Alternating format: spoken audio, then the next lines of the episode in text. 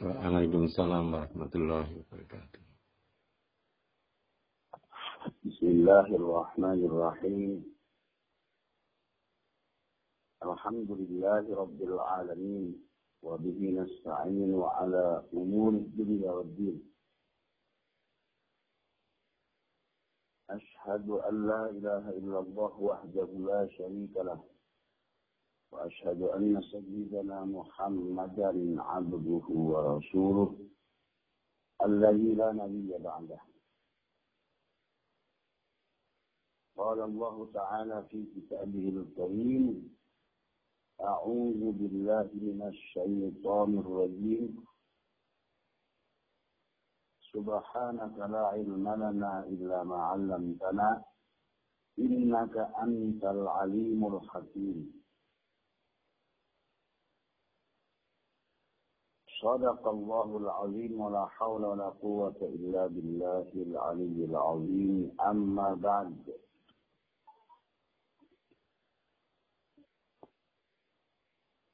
قال المصنف رحمه الله تعالى عنه ونفعنا به. وبعلومه في الدارين آمين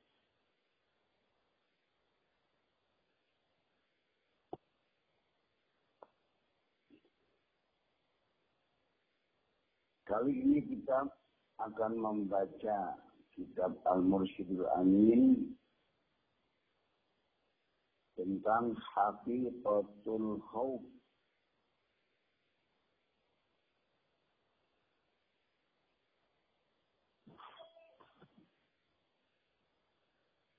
tentang hakikat ketakutan.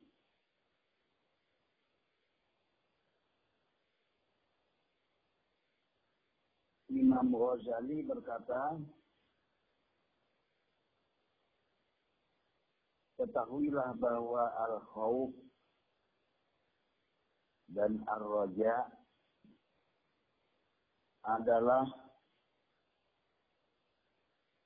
kendali atau tali kekang yang menuntun orang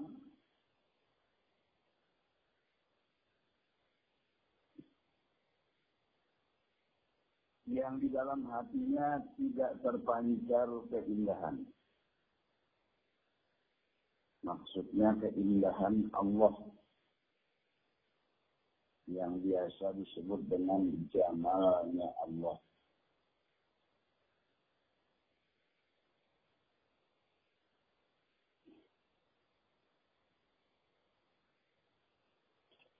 Barang siapa menyaksikan dengan hatinya terhadap keindahan ini, maka dia sudah berada jauh di atas keduanya.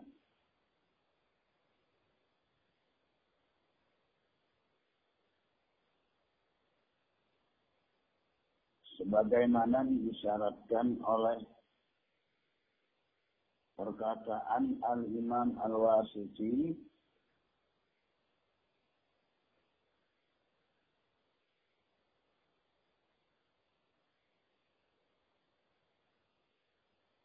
Al-khawfu hijabun bainallahi wal ibad. Ketakutan adalah hijab antara Allah dengan hamba.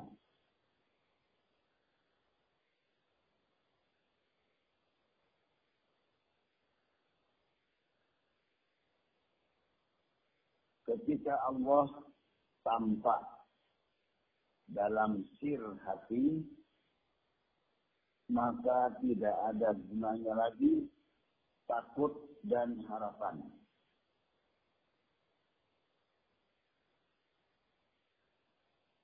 Dengan demikian maka kondisi al-khawf atau kondisi ar-raja yang ada pada manusia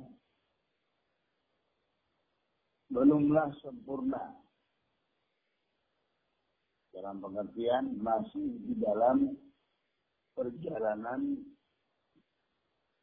rohani menuju Allah. Dalam konteks tasawuf.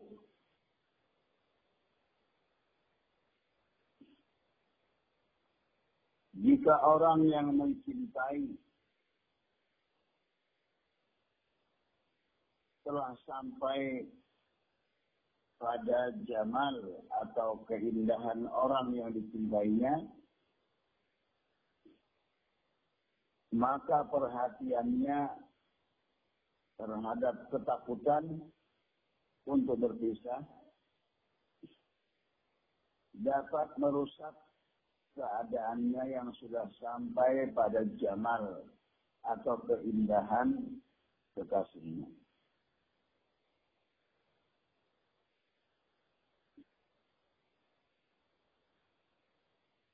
Jadi ketika orang sudah sampai pada keindahan yang dirasakannya bertemu dengan Allah dalam pengertian tidak bertemu dengan zat tetapi pada keindahannya saja. Lalu masih bisa masuk al-khawf rasa takut akan berpisah atau tidak lagi merasakan keindahan Allah, maka rasa khauf itu akan mengurangi nilai sampainya dia kepada Allah.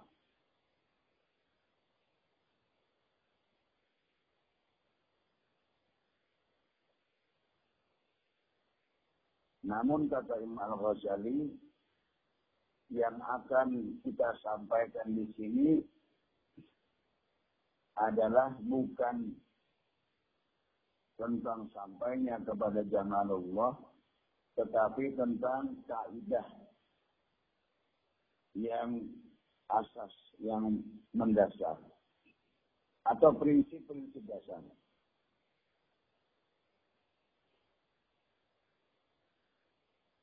Menurut kami, kata beliau, obat yang dapat menghadirkan rasa takut adalah melihat dan merenungkan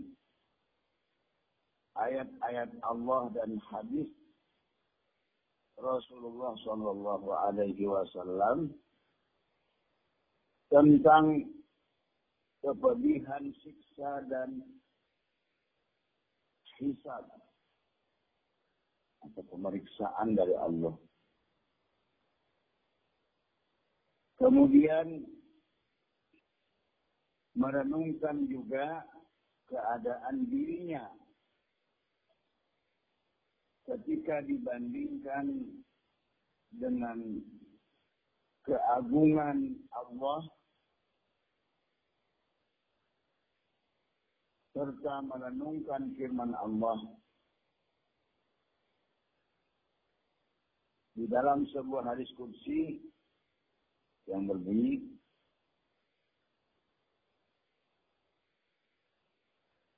Haulai fil jannati mereka semua mereka ada di surga. Wala ubali dan aku tidak peduli Wahaulai finnari. Dan mereka ada di neraka. Wala ubali dan aku tidak peduli.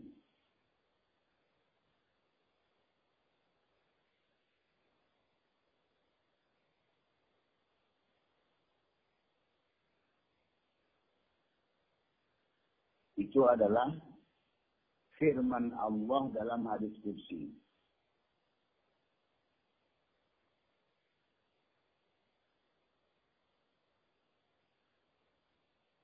Artinya Allah tidak peduli mereka di surga.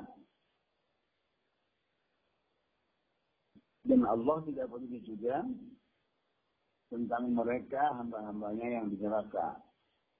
isyarat hadis yang penuh dengan isyarat atau maksud. Sehingga dengan merenungkan itu hadirlah rasa takut pada kita atau al-khawf itu yaitu rasa takut jauh dari Allah Subhanahu wa taala. Bahkan ketika kita berada di surga. Karena Allah mengucapkan wala ubali. Saya tidak peduli.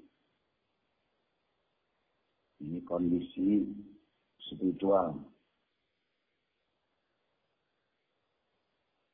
Merenungkan ketiga hal itu, yaitu merenungkan adanya azab dan hisab, merenungkan keadaan dirinya dibandingkan dengan keagungan Allah dan merenungkan firman Allah dalam hadis kursi yang mengatakan mereka di surga aku tidak peduli mereka di neraka aku tidak peduli juga itu obat yang pertama untuk menghadirkan rasa al-khawf.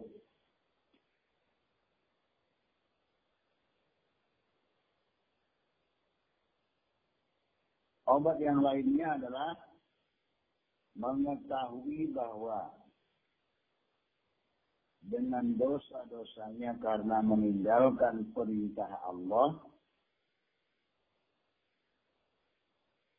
dan mengerjakan larangannya, maka dia berhak untuk disiksa dengan azab Allah yang pedih yang menyadari ini juga menghadirkan rasa takut kepada Allah.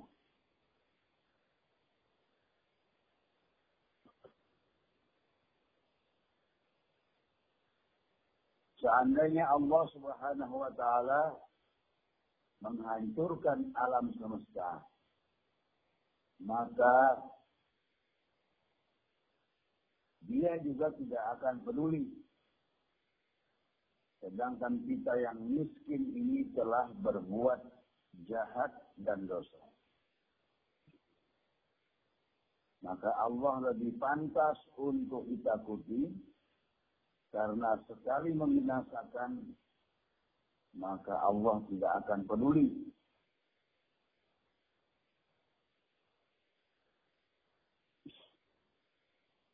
Apalagi kata Imam Al-Ghazali, Rasulullah pernah bersabda dalam sebuah hadis yang berbunyi ana a'lamukum billahi wa akhsyakum lillahi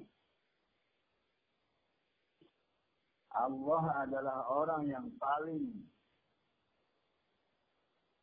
maaf ana a'lamukum billahi aku adalah orang yang paling mengerti di antara kalian tentang Allah. Dan aku adalah orang yang paling takut di antara kalian kepada Allah. Dengan merenungkan pernyataan beliau itu, menyatakan betapa Nabi saja itu yang paling takut kepada Allah. Dan sedangkan dia paling tahu tentang Allah. Mestinya kita ini yang tidak tahu tentang Allah akan lebih takut lagi.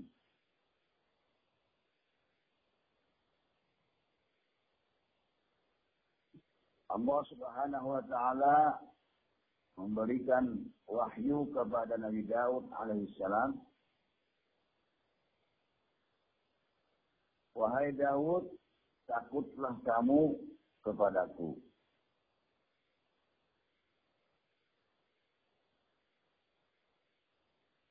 Sebagaimana engkau takut pada binatang buas yang bergerombol. Hakikat binatang buas adalah membinasakanmu sampai habis tanpa peduli nasibmu berikutnya. Di ketakutan seperti itu yang kita rasakan bagaikan ketika kita takut kepada binatang buas. Man khafa Allah Ta'ala khafahu kulla syai'in. Wa man khafa ghaira wa man khafa ghaira Allah khawafahu Allah min kulli syai'in.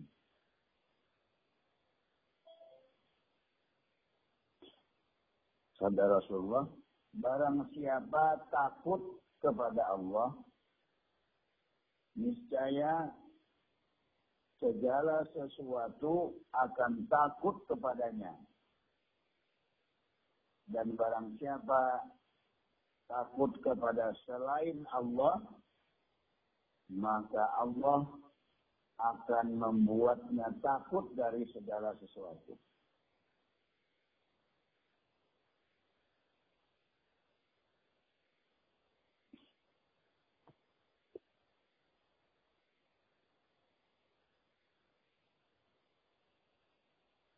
Istri Rasulullah Shallallahu Alaihi Wasallam yang bernama Aisyah radhiyallahu anha pernah mengatakan kepada beliau kata Aisyah ya Rasulullah wahai Rasulullah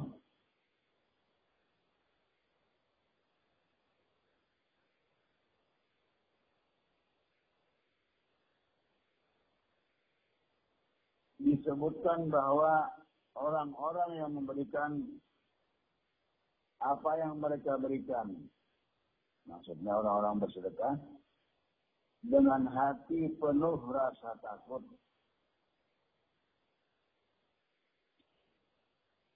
Apakah orang itu takut mencuri dan berzina? Maka Rasul menjawab, La, Bukan demikian maksudnya. Bal ar-rajulu yasumu wa yusalli wa yatasaddaqu wa yakhafu alla yuqbala minhu. Maksudnya adalah tentang seseorang yang berpuasa, sholat, bersedekah, dan takut kalau-kalau amalnya itu tidak diterima oleh Allah. Itu yang dimaksud dengan khauf. Itulah yang dimaksud dengan pernyataan ada orang-orang yang memberikan apa yang miliki dengan hati penuh rasa takut. Maksudnya takut kalau-kalau tidak berkenan, tidak diterima oleh Allah Subhanahu wa taala amal-amalnya itu.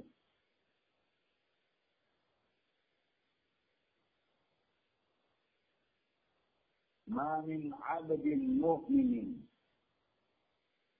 يخرج من عينيه دمعة وإن كانت مثل رأس الذباب من خشية الله تعالى Tidak ada seorang hamba yang beriman yang dari kedua matanya mengalir air mata, sekalipun hanya seperti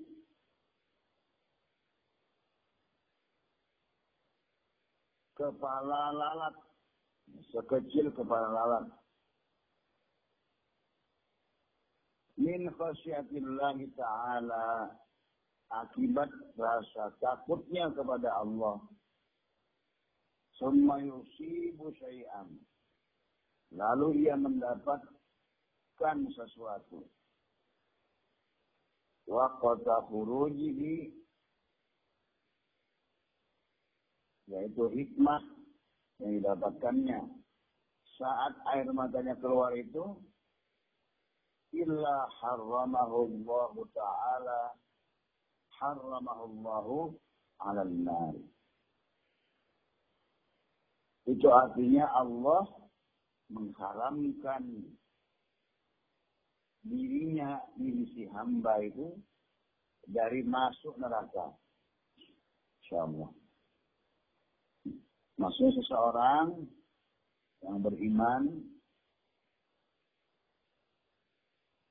dia merasakan atau dia menangis, meneteskan air mata, tetapi itu karena dia merasa takut kepada Allah. Lalu saat keluar air matanya, dia mendapatkan hikmah, mendapatkan hidayah dari Allah, kesadaran. Maka fadilahnya orang yang seperti itu, kata Nabi, akan diharamkan oleh Allah jasadnya dari masuk neraka.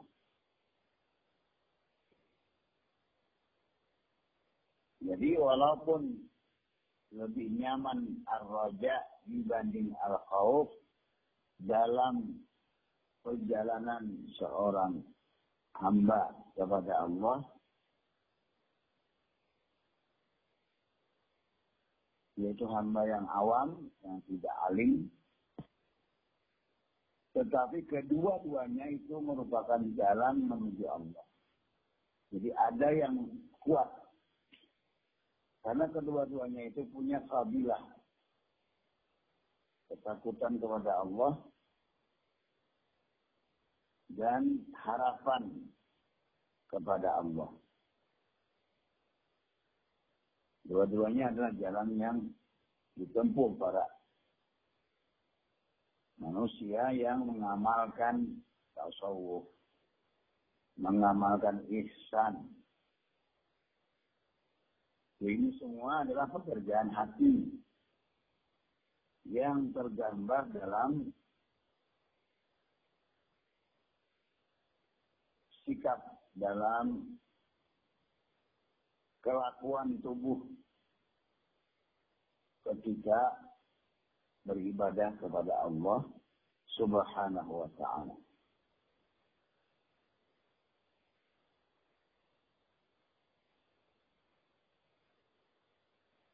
Dan kita akan mengalami ini semua tidak bisa memilih. Semuanya akan dituntun oleh Allah Subhanahu wa taala ke arah rasa khauf atau takut maupun ke arah rasa berharap atau arroja. Tapi semua ini tidak boleh tanpa bimbingan. Seperti yang telah lalu kita sampaikan bahwa semua ini konteksnya dibimbing oleh Al-Mursyid. Ada guru dalam hal ini. Tidak bisa kita mengembangkan khauf dan roja itu sendiri, dengan eksperimen sendiri. Tidak bisa harus dengan bimbingan. Termasuk dalam memahami hadis-hadis Nabi yang dalam konteks tasawuf yang tidak bisa diterjemahkan dan dipahami oleh orang awam. Itu hanya bisa dijelaskan oleh mursyid yang sudah mengalami perjalanan spiritual menuju Allah Subhanahu wa taala.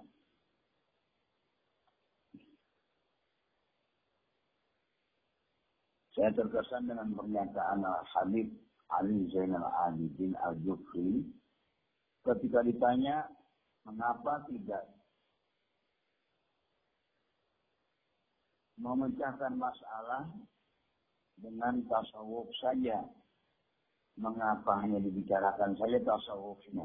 Tidak ada praktek kesufian saat ini. Itu pertanyaan seorang mahasiswa ketika beliau berceramah di Al-Azhar Mesir. Karena mahasiswa itu merasa resah dengan keilmuan yang luar biasa berkembang di Mesir, ilmu agama maksudnya, tetapi tidak ada tentang sufi. Tidak disertakan dalam kegiatan keilmuan itu. Maka jawabannya Habib adalah kata beliau rasa cinta kepada semua orang baik yang berbeda suku maupun berbeda agama sekaligus itu adalah kesufian Walaupun kata beliau seseorang juga tidak senang dengan perbuatan yang menentang Allah. Tetapi pada orangnya sebagai makhluk Allah, dia memiliki kecintaan yang luar biasa. Bahkan kata beliau kecintaan seorang muslim kepada yang tidak muslim, tidak seagama. Itulah kata beliau baru dinamakan sufi. Seorang yang ketika berdagang di pasar dengan sangat lembut melayani pembelinya. Itulah hakikat sufi kata beliau. Jadi bukan pada gambaran bahwa orang sufi itu yang hanya beribadah keluar bisa jadah saja. Tetapi ketika berbelanja kasar dengan orang lain atau ketika melayani pembeli kata-katanya tidak nyaman di hati orang. Itu belum sufi kata beliau.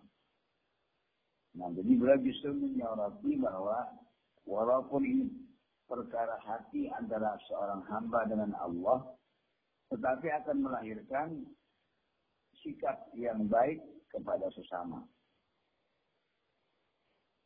Maka kata beliau sesungguhnya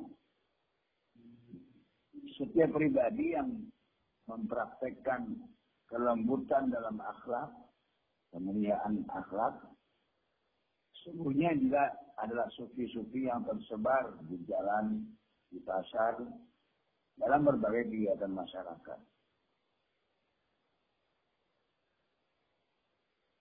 Jadi pernyataan dia itu sangat menyejukkan.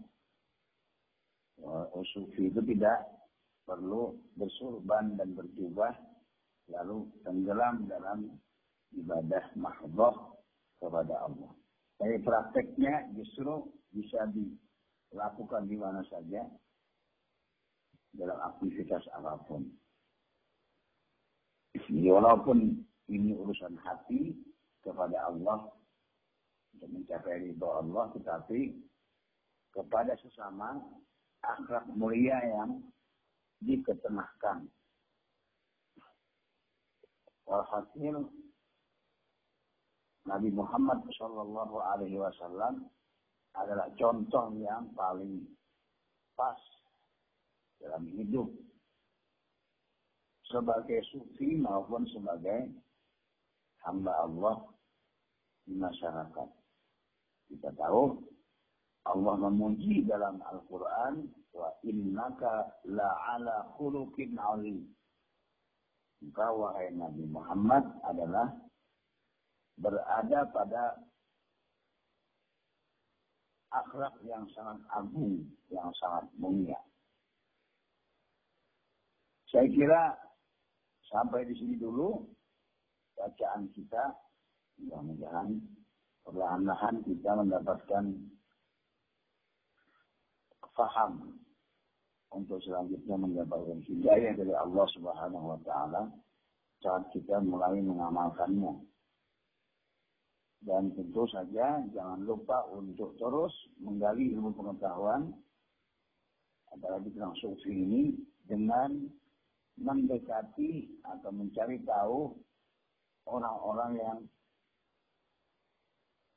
lebih tahu tentang ini para ulama yaitu para mursyid supaya ini berlanjut. Kawasan pembuka ini tentang sufi kita dilanjutkan dengan bertanya kepada para ulama, para ahli. Supaya kita bisa mengamalkan ilmu al-ihsan, ilmu tentang batin ini. Karena semuanya bertujuan untuk hidup nyaman di masyarakat dunia dan akhirat. Itu saja saya kira silakan kepada para jamaah atau kita langsung berdoa. Monggo silakan. Iya, nanggo pertanyaan dulu Ustaz. Barangkali ada yang tanya. Baik.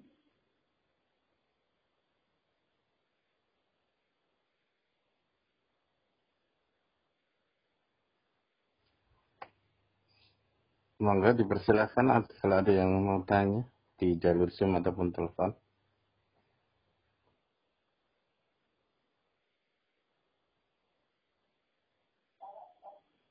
Baik, Ibu.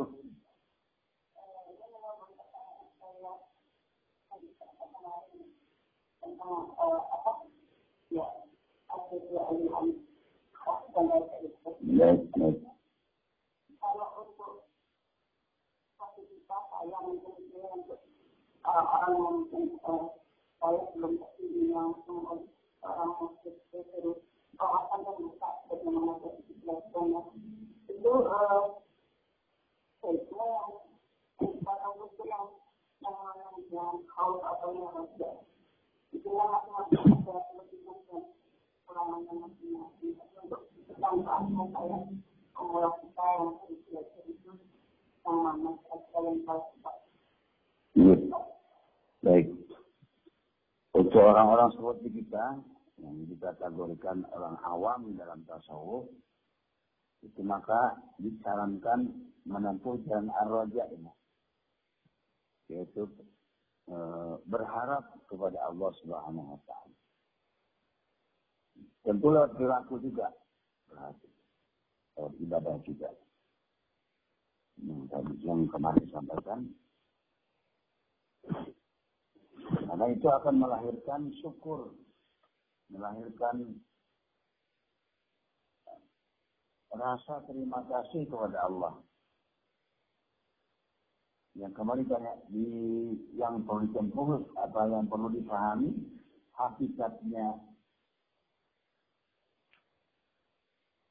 Ar-Raja itu adalah berharap kepada Allah melalui tingkah laku kita mempersiapkan diri supaya datang anugerah Allah yaitu rasa berharap diri kita.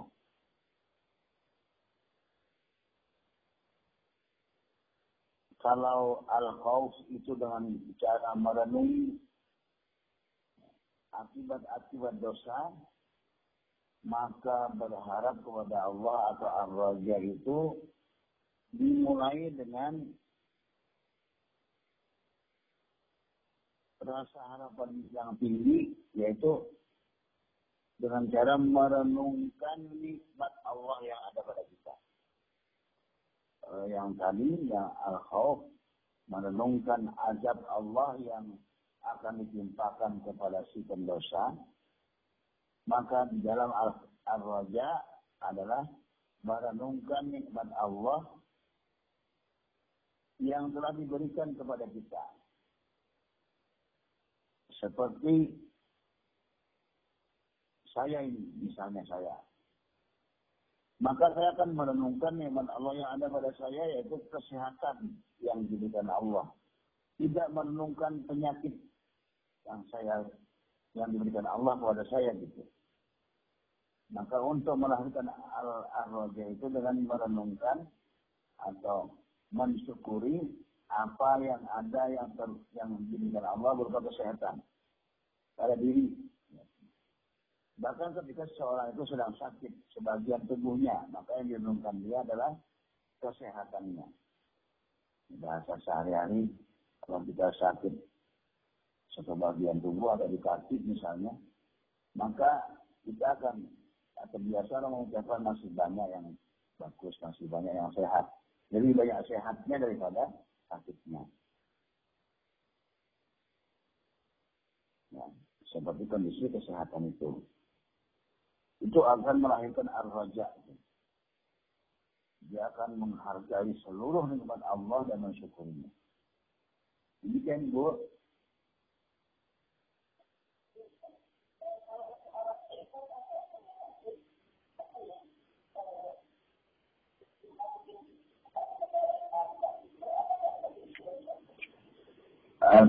insya Allah tidak, karena akan melahirkan rasa senang itu, yaitu termotivasi bahwa Allah itu sayang kepada kita.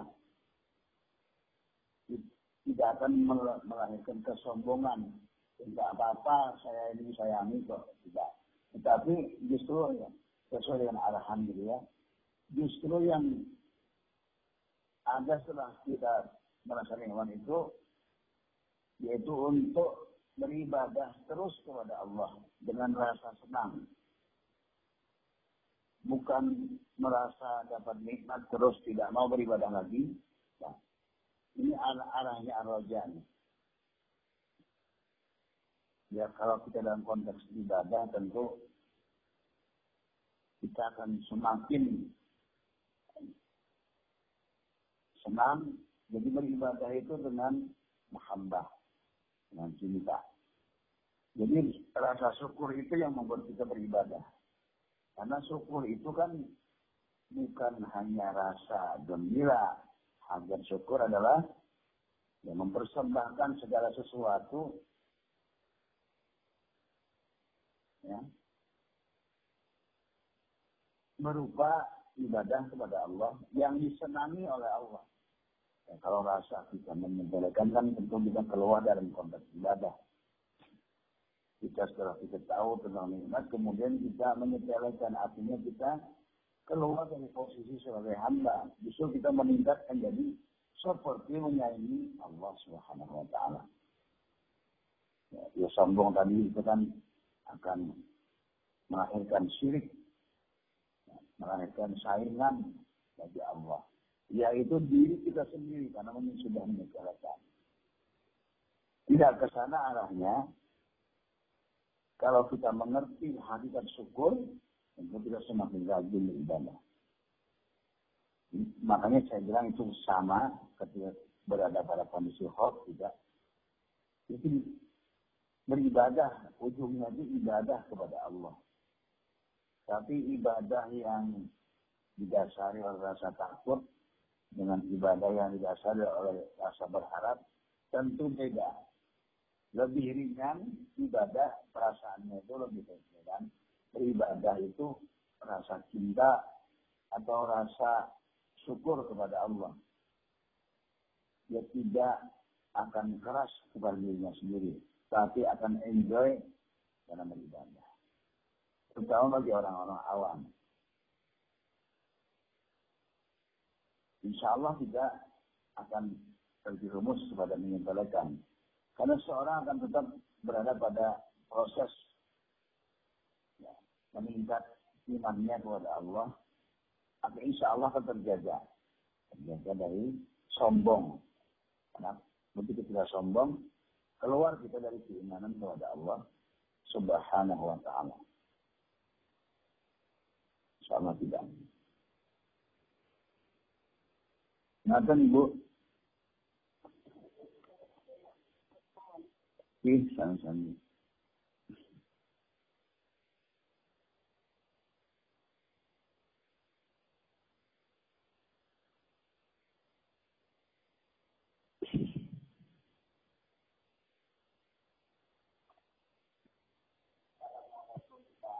Waalaikumsalam. Pak silahkan.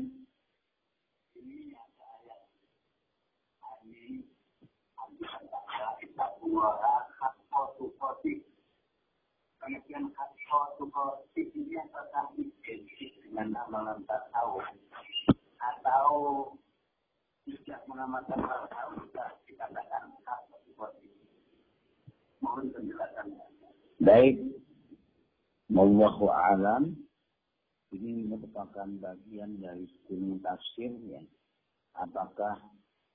Apakah hakotikoti sebenar-benarnya takwa itu meliputi ajaran tasawuf juga?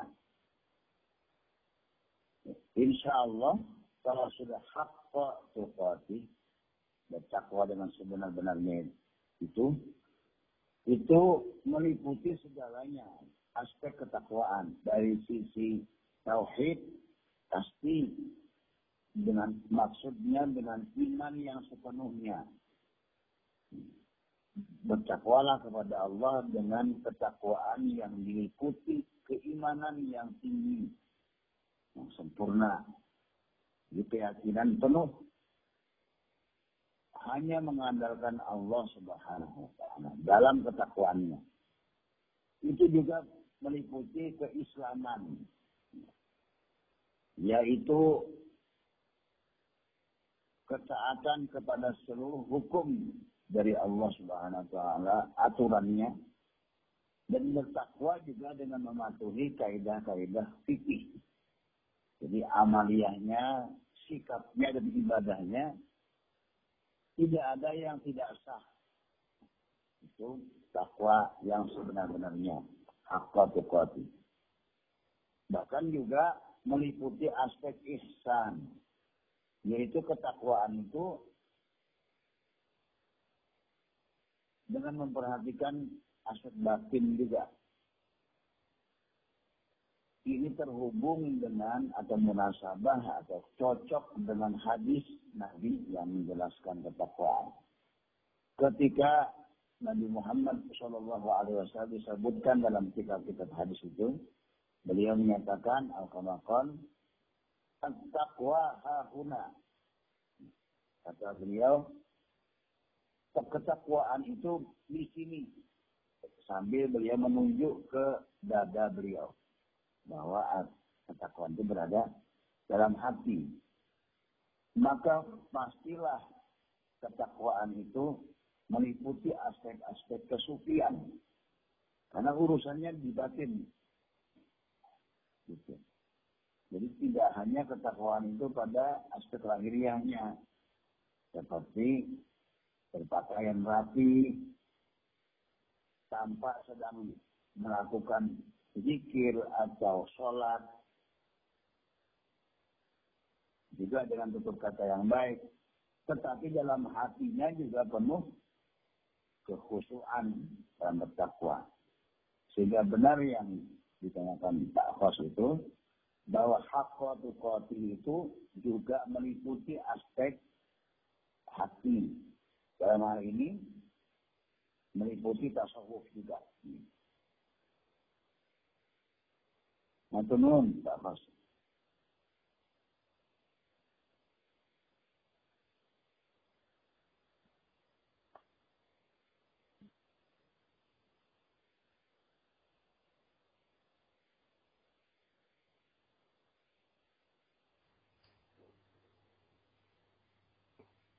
Demikian Pak Kos jawaban saya.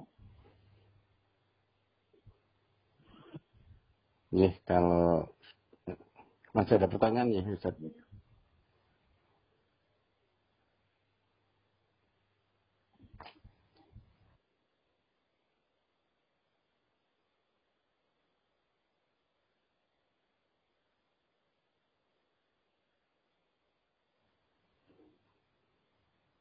Di jalur telepon kalau ada pertanyaan.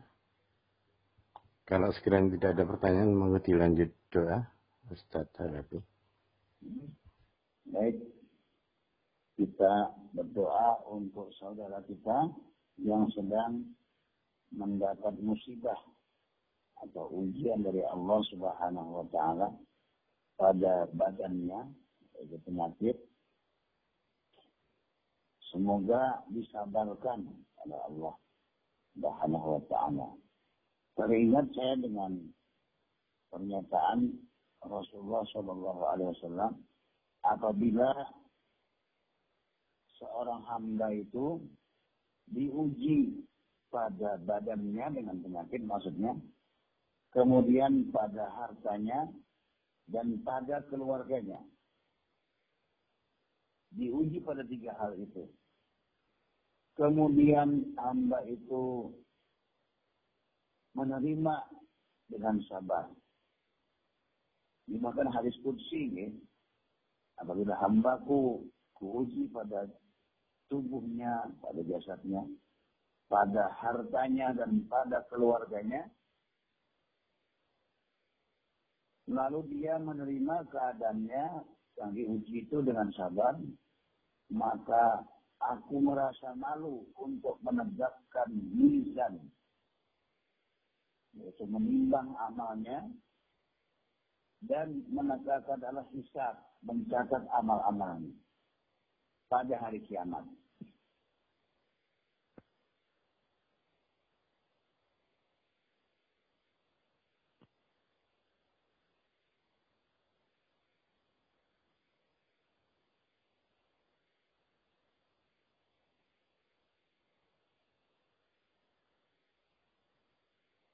Terus Om Cita terputus Om Cita.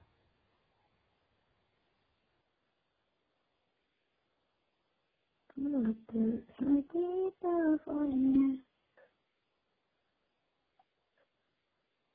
Saya telepon lagi ya.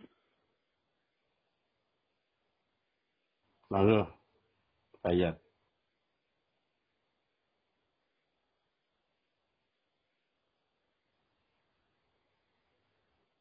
Doa untuk Fitra Fitri yang sedang ujian juga mungkin Oh, nggak tahu. Ini Ustaz. itu putra. Itu Ustaz. Baik. Kita juga berdoa untuk Ibu Lilis yang baru saja selesai dengan operasinya.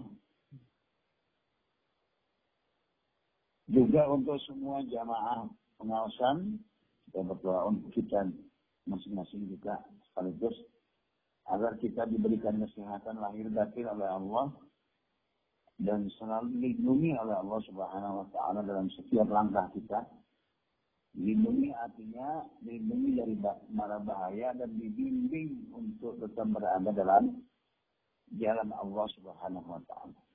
Ala hadhihi niyyah wa kulli niyyatin salihah wa ila hadarin Nabi al-Mustafa sallallahu alaihi wasallam وعلى آله وأصحابه وأزواجه وذرياته وآل بيته أجمعين.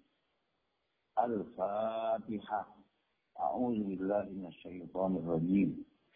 بسم الله الرحمن الرحيم. الحمد لله رب العالمين. الرحمن الرحيم. مالك يوم الدين. إياك نعبد وإياك نستعين.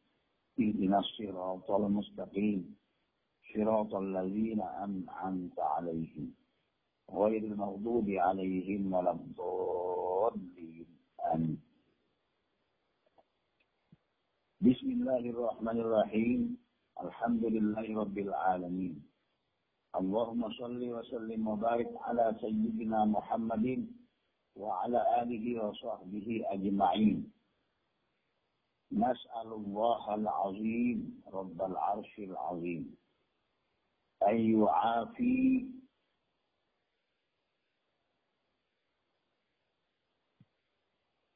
أن يعافيهما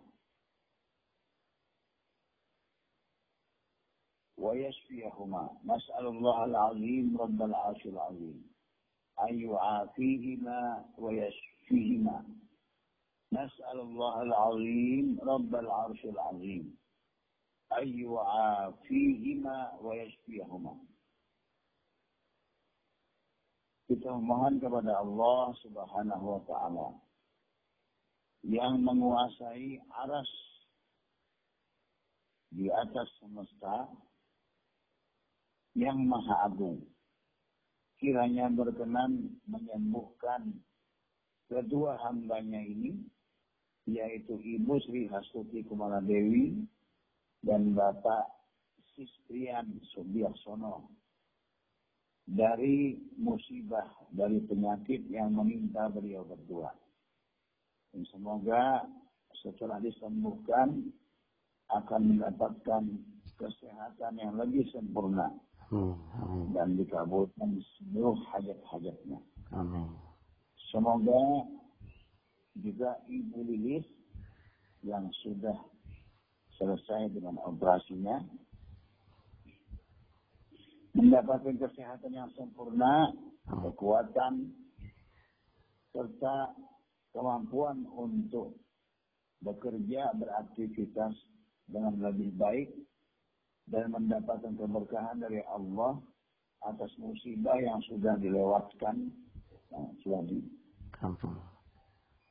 Cukupi oleh Allah Subhanahu wa taala sehingga lebih bermanfaat hidupnya untuk dirinya, untuk agama, untuk keluarga dan untuk seluruh bangsa.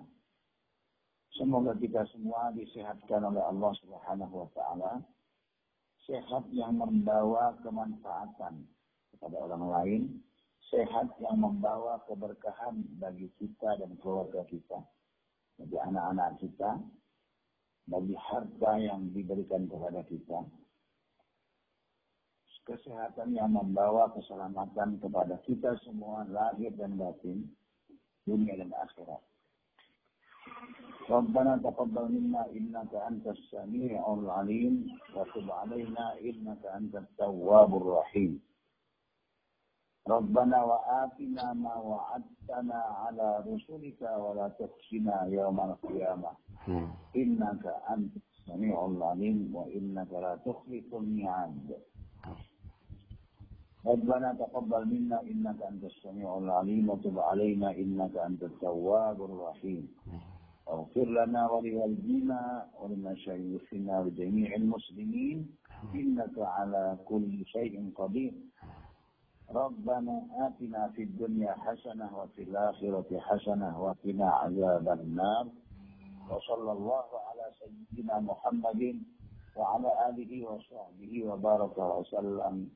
والحمد لله رب العالمين. الفاتحة. أعوذ بالله من الشيطان الرجيم. بسم الله الرحمن الرحيم. الحمد لله رب العالمين. الرحمن الرحيم. مالك يوم الدين. نستعين إن الصراط المستقيم صراط الذين أنعمت عليهم غير المغضوب عليهم ولا الضالين آمين Demikian dari saya. Mudah-mudahan bermanfaat. Allahul muwaffiq ila aqwamit thariq. Wassalamualaikum warahmatullahi wabarakatuh. Waalaikumsalam warahmatullahi wabarakatuh.